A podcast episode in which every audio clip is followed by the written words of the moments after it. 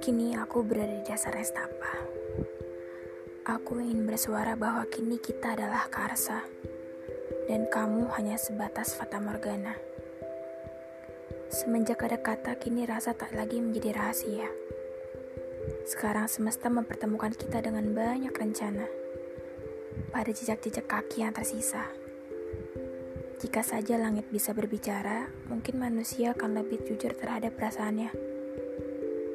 Tak perlu terbang ke sana kemari seperti kupu-kupu, ternyata pesan ini sampai walau tanpa perahu.